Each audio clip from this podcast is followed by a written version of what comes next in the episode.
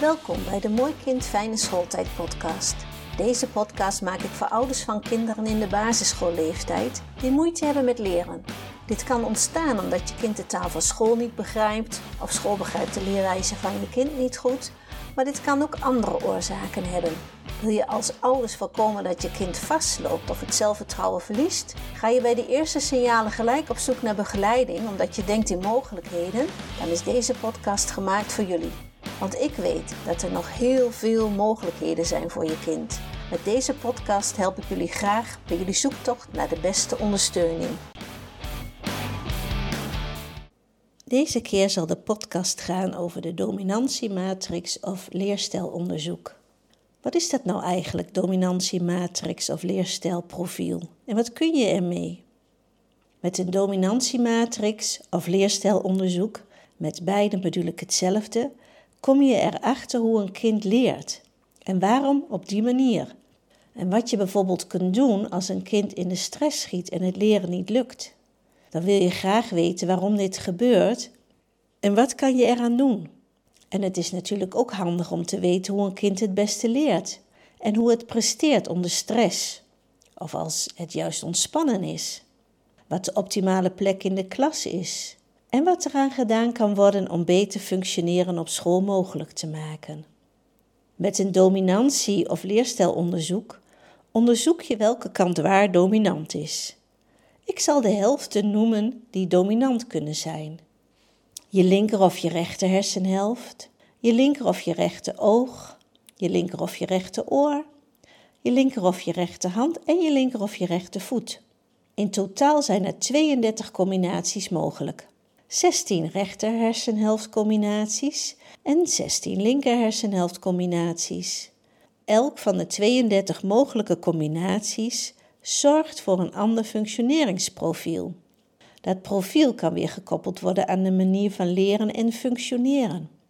Iemand die linksoogig, rechtshandig, rechtsvoetig en linksorig is en waarbij de linker hersenhelft dominant is, functioneert echt heel anders dan hetzelfde dominantiepatroon, maar dan gekoppeld aan een overheersende rechter hersenhelft. Een kleine verandering in het dominantiepatroon geeft al een heel ander profiel, wat grote gevolgen kan hebben voor de leerstijl, interesses, concentratie en gedrag in de klas. De dominantie van oog, hand, oor en voet bepalen hoe je met auditieve en visuele informatie om kan gaan. En of je leert door bewegen, luisteren, praten, kijken of juist door doen. In stilte of juist met anderen of combinaties ervan. Of je vooraan of juist beter achteraan kan zitten in de klas. Of helemaal links of rechts. De mooiste combinatie is bijvoorbeeld als je rechterhand dominant is en je linker hersenhelft. Je werkrichting is dan van links naar rechts. En de lees- en schrijfrichting ook.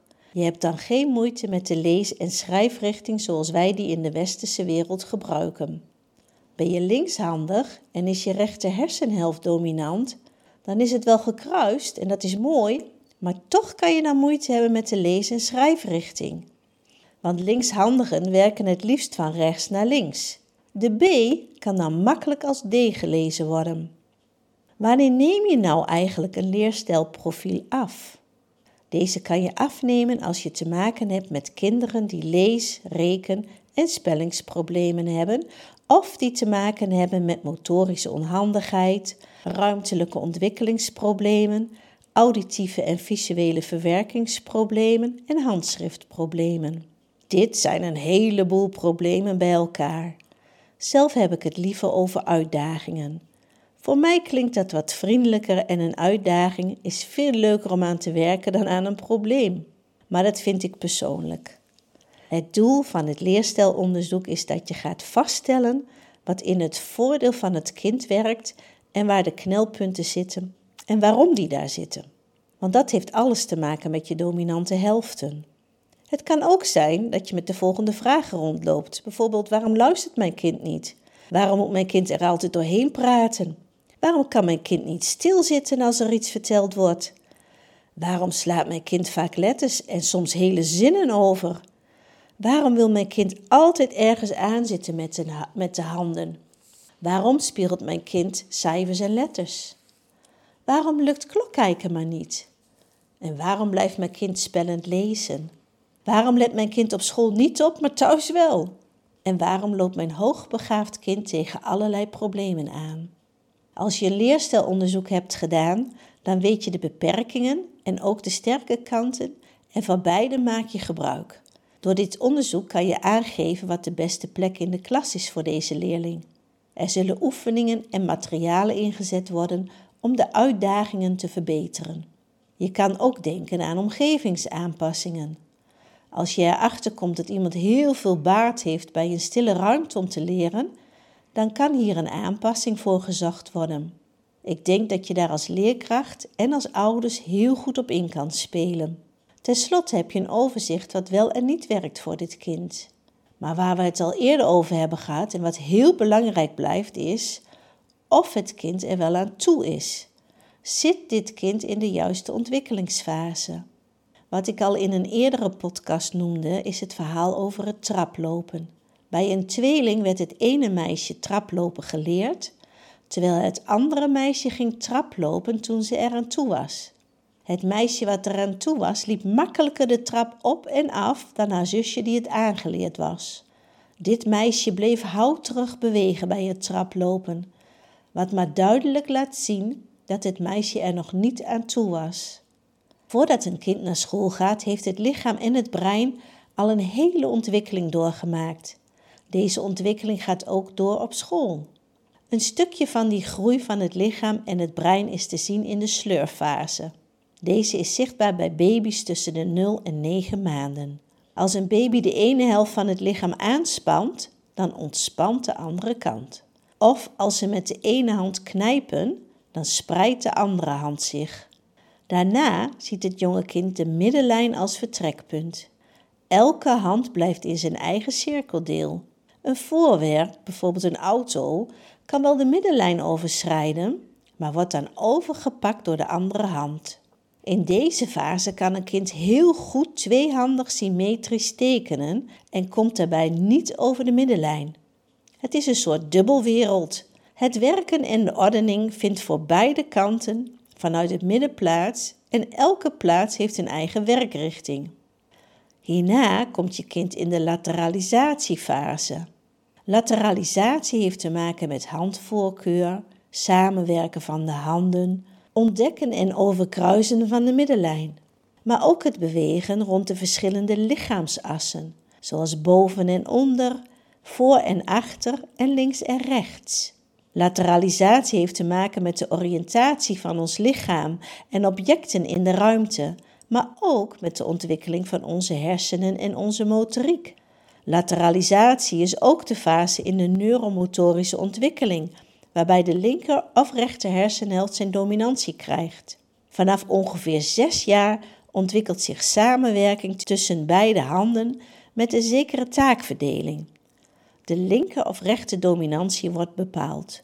Voor bijna alle rechtshandigen en het merendeel van de linkshandigen, zo'n 97 tot 98 procent, bevindt zich het taalcentrum in de linker hersenhelft.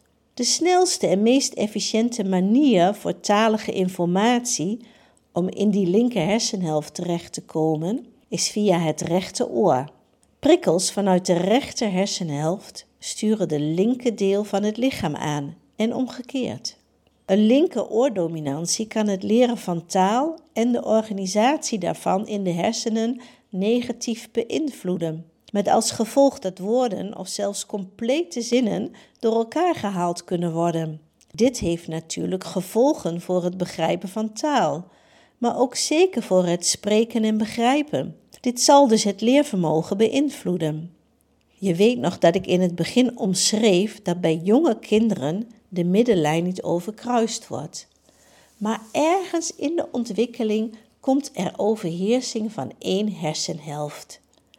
Een van de hersenhelften gaat overheersen en de mediaan, de middenlijn, verschuift naar links of naar rechts. Van daaruit wordt de richting ingezet tot over de hele actiewereld.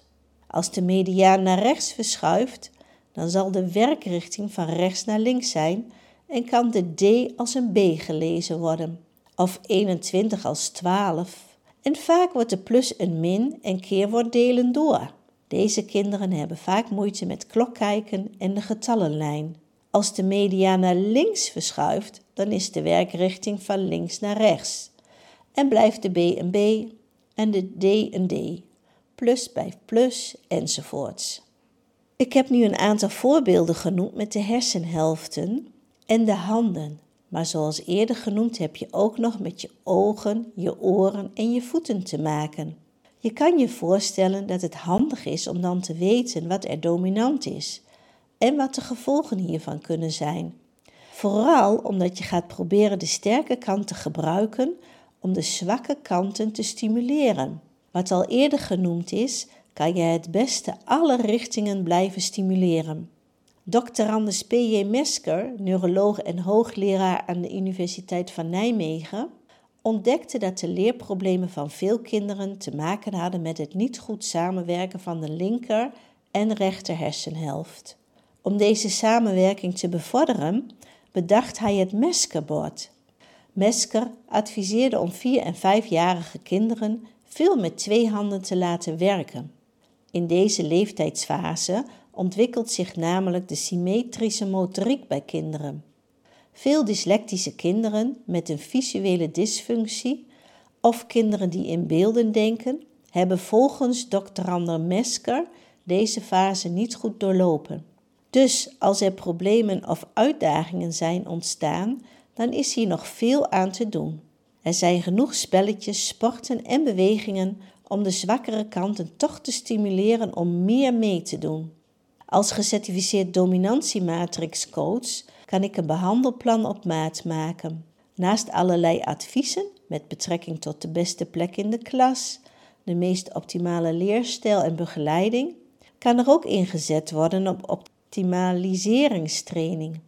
Via onder andere motorische training, lateralisatietraining, visuele training, auditieve training en ontspanningsoefeningen.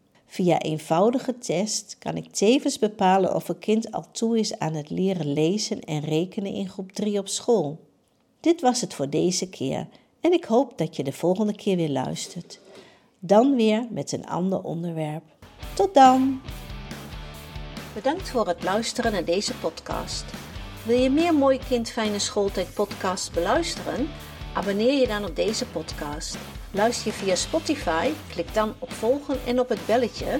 Dan krijg je een bericht als de volgende podcast er is. Vertel ook anderen over deze podcast. Heb je aanvullingen, ideeën of tips? Dan hoor ik dit graag.